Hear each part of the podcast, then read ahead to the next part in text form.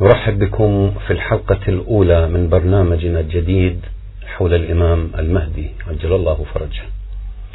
هذا البرنامج يأتي ضمن حلقات اهتمامات قناة الغدير بثقافة أهل البيت عليهم السلام والتعريف بها ومساهمة منا للإخوة مع الإخوة المشاهدين آه، أعد هذا البرنامج بالتعاون مع مركز الدراسات التخصصية في الإمام المهدي برعاية آية الله العظمى والمرجع الديني الأعلى السيد علي السيستاني دام ظله الوارث. وبهذه المناسبة نود أن نلفت عناية المؤسسات الدينية والثقافية بأن قناة تلفزيون الغدير ترحب بكل مساهماتهم في هذا المجال بغية تعريف المشاهدين الكرام بأهم ما ينبغي التثقيف به من المعارف الإسلامية. أعزائنا المشاهدين نأمل منكم مشاركتكم في هذه الحلقة وطرح ما ترتؤونه حول الموضوع والاتصال بنا على هاتف البرنامج المرقم مكرر ثلاثة اثنين تسعة خمسة, تس خمسة سبعة. مكرر ثلاثة اثنين تسعة خمسة سبعة. نحن بانتظار. مساهماتكم بالاتصال على هذا الرقم. موضوعنا في هذه الحلقة حول غيبة الإمام المهدي سلام الله عليه. آه نستضيف معنا في الاستوديو سماحة حجة الإسلام والمسلمين السيد محمد علي الحلو لنتنور بما يطرحه من ملاحظات وتعريف حول هذا الموضوع. فأهلا وسهلا بكم سماحة السيد. حياكم الله أهلا وسهلا بكم. يشكل موضوع غيبة الإمام المهدي عجل الله فرجه الشريف موضع اهتمام لدى المشاهدين ولدى أبناء آه الأمة الإسلامية. ونلاحظ أن أساس آه وجود المهدي متفق عليه إلا أنه الاختلاف الشكلية والوقت والشخصية هذا شيء منتهي من عنده. ظل موضوع الغيبة غيبة الإمام المهدي على نوعين كما نعرف الغيبة الصغرى والغيبة الكبرى. فلو تفضلتم علينا بإعطاء ما تتفضلون به من تعريف حول الغيبتين مشكورا. شكرا جزيلا. بسم الله الرحمن الرحيم.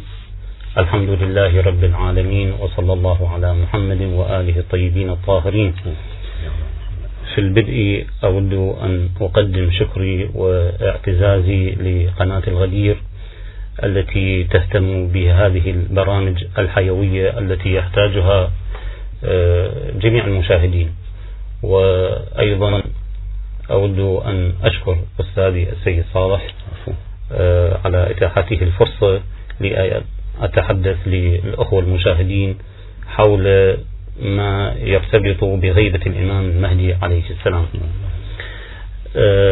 في البدء أود أن أتعرض إلى مسألة مهمة هي مسألة الحلقات التاريخية التي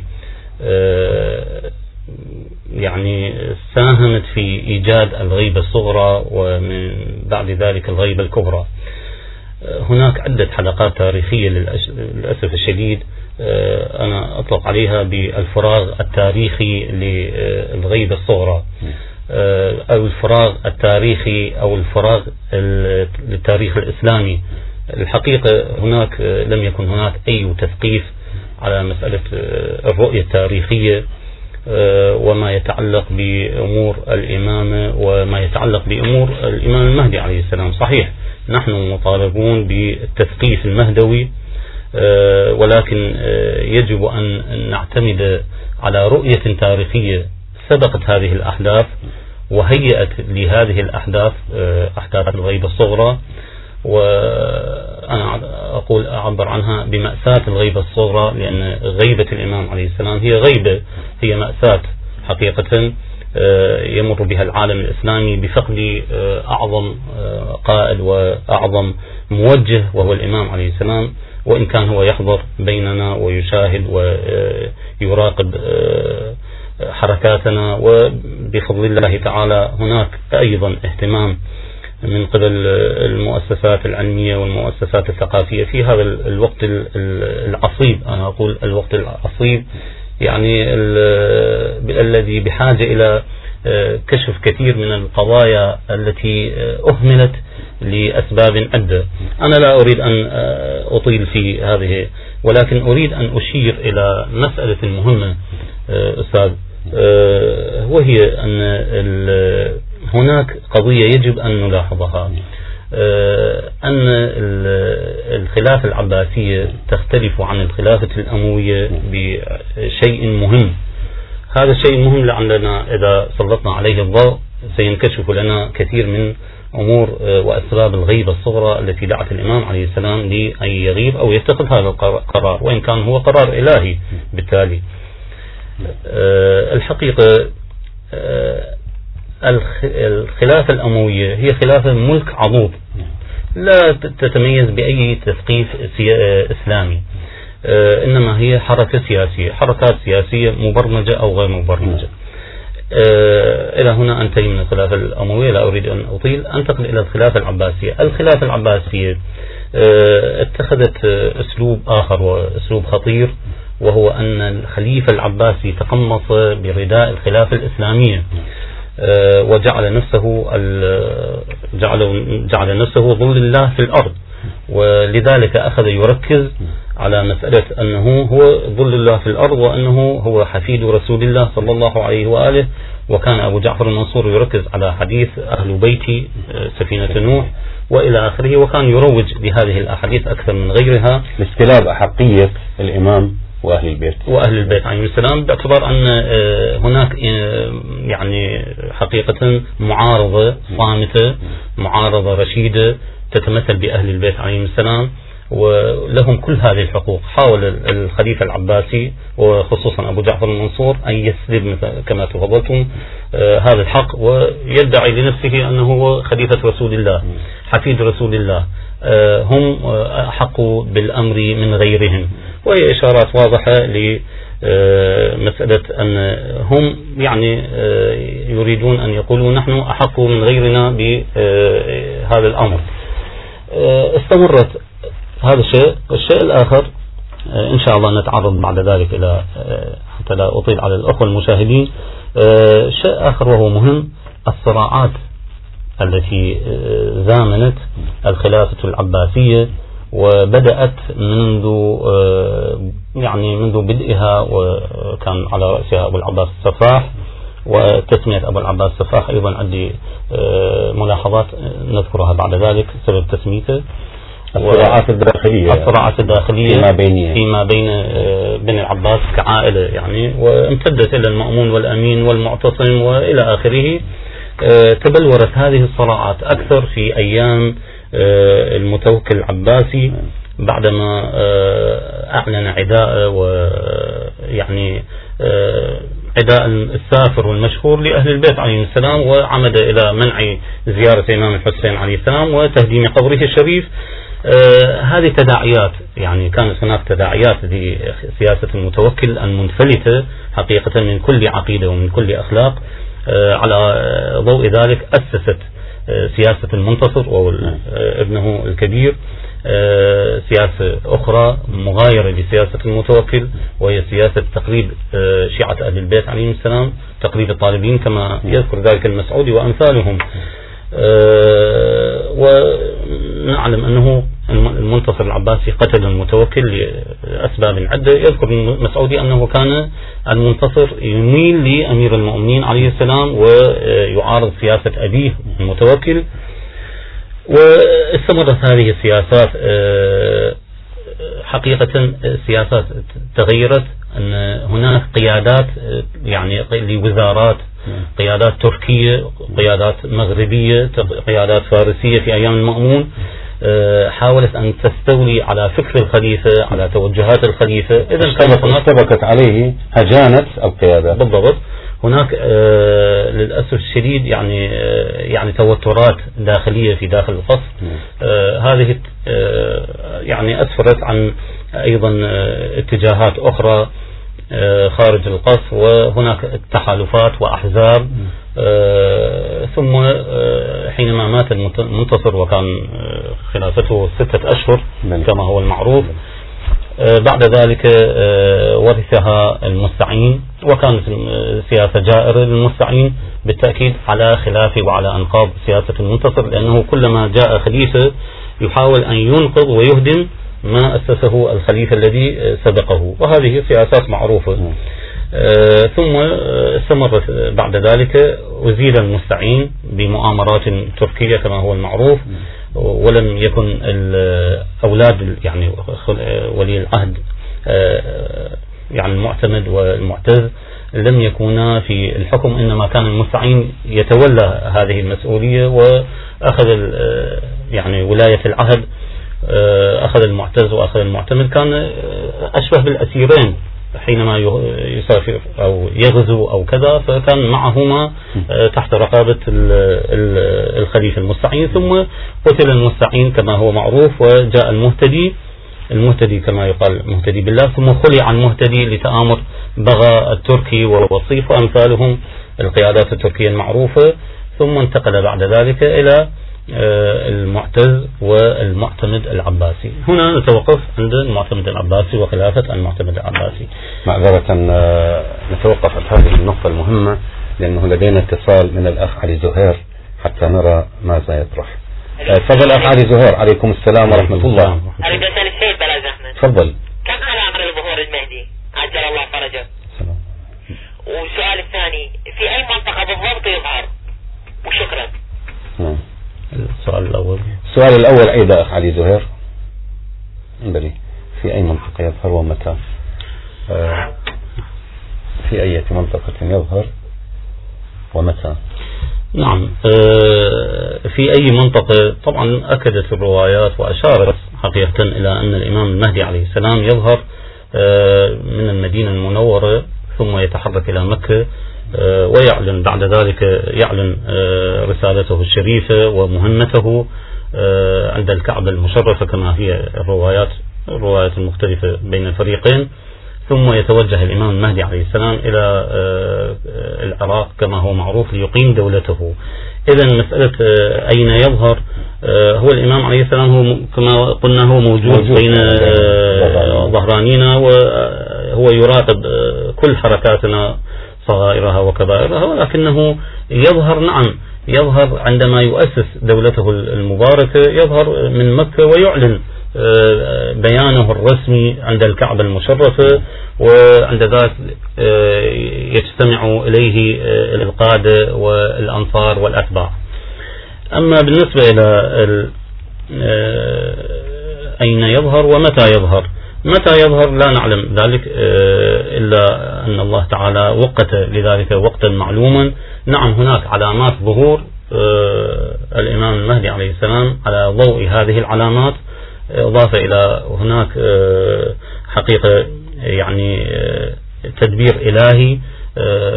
ينتظر الأمر الإلهي وعلى أساس علامات الظهور وعلى أساس مراحل هذه العلامات نعم. عند ذلك نقول متى يظهر؟ والله سبحانه وتعالى يعلم أين يظهر ومتى يظهر. والتي إن شاء الله بدأت ونتمنى من الله التعجيل في ظهوره. بإذن الله تعالى إن شاء الله. آه، لدينا اتصال من الأخ محمد الفحام حول الموضوع. تفضل الأخ محمد. السلام عليكم. عليكم السلام ورحمة الله جعلنا وإياكم من القائمين بين يدي الحج عجل الله تعالى فرجه بحول الله وقوته. بارك الله فيك. آه، من الأسباب يعني الغيبة هي أولا الصيانة من أعداء الدين يعني هو نعم.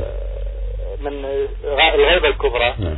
صيانة من أعداء الدين. وقلة الأنصار للمهدي عليه السلام. نعم. هي هم من أسباب تأخير الظهور. آه، فنواب الحج عليهم السلام يعني نواب الحجة بالوقت الحاضر يعني بالغيبة الكبرى هم العلماء الأعلام نعم. يعني عليهم المسؤولية نعم. في تثقيف العالم آه، عن المهدوية نعم. عن الظهور عن أسباب الظهور آه، وحث الناس على الأمر بالمعروف والنهي عن المنكر اللي هي من خصائص المنتظرين يعني للحج عليه السلام وشكرا يعني. وهذا شكرا لك. وهذا ما بدأنا به إن شاء الله من هذه الحلقة مع سماحة السيد محمد علي الحلو بتوضيح وتحقيق رغبتكم يا أخ محمد ورغبة العشرات بل المئات بل الملايين من أمثالكم. وبارك الله بكم. آه شكرا أخي محمد. آه سمحت السيد وصلنا إلى نقطة آه بداية الظهور بداية الغيبة. واللي الآن الأخ محمد الفحام آه تفضل وشاركنا في جزء من أسباب الغيبة وقبل التوضيح من سمناحتكم نعم. على أساس هذه الظروف المضطربة ظروف الخلافة العباسية آه، استشهد الإمام الحسن العسكري عليه السلام وبشهادته بدأت آه، يعني هواجس النظام العباسي وخصوصا الخليفة المعتمد العباسي لأنه كان عنده علم الحقيقة هو عنده علم من مما رواه عن آبائه أن هناك رجل يظهر اسمه المهدي وهو ابن الحسن العسكري.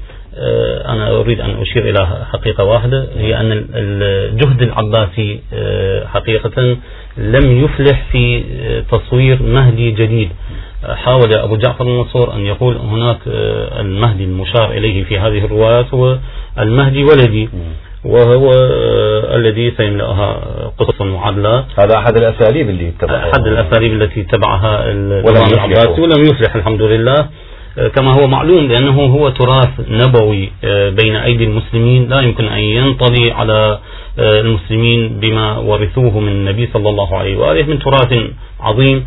ولم يألو النبي صلى الله عليه وآله جهد حينما بشر بدعوته بشر بدعوة الإمام المهدي عليه السلام. يعني كانت هناك آه، مقارنة يعني موازاة مع تبشير برسالته الشريفة وبدعوة الإمام المهدي وظهوره. كان النبي صلى الله عليه وسلم يهتم بذلك.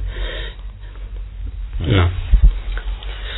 فإذا آه، على على ضوء ذلك المعتمد العباسي علم أن هناك خطر يداهمه وكان المعتمد يعمد إلى يعني وضع الإمام الحسن العسكري في السجن بين فترة وأخرى ليفصله عن قواعده الشعبية. آه، ثم حاك له مؤامرة دس السم وشهادته الشريفة كما هو معروف. نعم.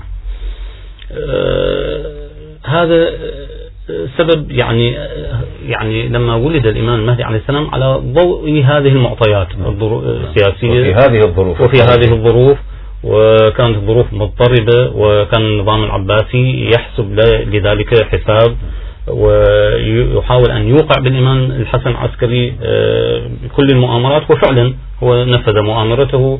لأن الإمام حينما ولد كان مستورا عن آه، النظام وعن عامة الناس إلا عن خاصة أصحابه عليه السلام.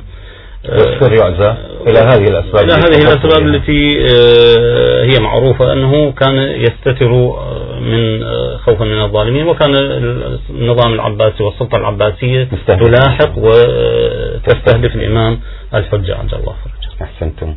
لدينا اتصال من السيد رسول حول الموضوع. تفضل سيد رسول. تفضل. تفضل سيد رسول. السلام عليكم. عليكم السلام ورحمة الله. مرحبا بك. العفو بالنسبة يعني السفياني اللي يقولون إنه يخرج من سوريا أو هذا المعلومات نريد نعرف عنه؟ إن شاء الله. وإن كان الآن حديثنا ومحورنا هو حول الغيبة وبحول الله وقوته لك وللأخوة المشاهدين أيضا سنبدأ من هذه الحلقة بالتسلسل إن شاء الله تغطية جميع الأمور المتعلقة بالإمام المهدي ومن ضمنها الظهور السفياني وغيره. شكرا جزيلا على هذه ملاحظة فضل سيدنا معذرة نعم. أه، أحب أن أشير إلى سؤال الأخ يعني إشارة المقتضبة إذا كان جنابكم تفتؤون أن هناك تسلسل لا بأس هو التسلسل أوفق ب أه، يعني انسيابية المعلومات. لكن أريد أن أشير إلى أن الأخ أراد أن يسأل عن السفياني السفياني حقيقة يشهر في يظهر في الشام في مناطق الشام في الأردن وسوريا وفلسطين ولبنان. يعني هذه هي المناطق التي يظهر منها والرملة آه، كما هو معروف آه، جغرافيا هي في سوريا لعله في وادي من وديان يعني في منطقة بين سوريا وفلسطين, وفلسطين. يظهر من هناك وهو رجل آه، من بني أمية كما أشارت إليه الروايات وسبب إشارة هذه الروايات نأتي إن شاء الله لها في حلقات قادمة إن شاء الله. إذا نعود الآن إلى آه، ما وصلنا إليه من بداية الغيبة نعم. الصغرى. نعم.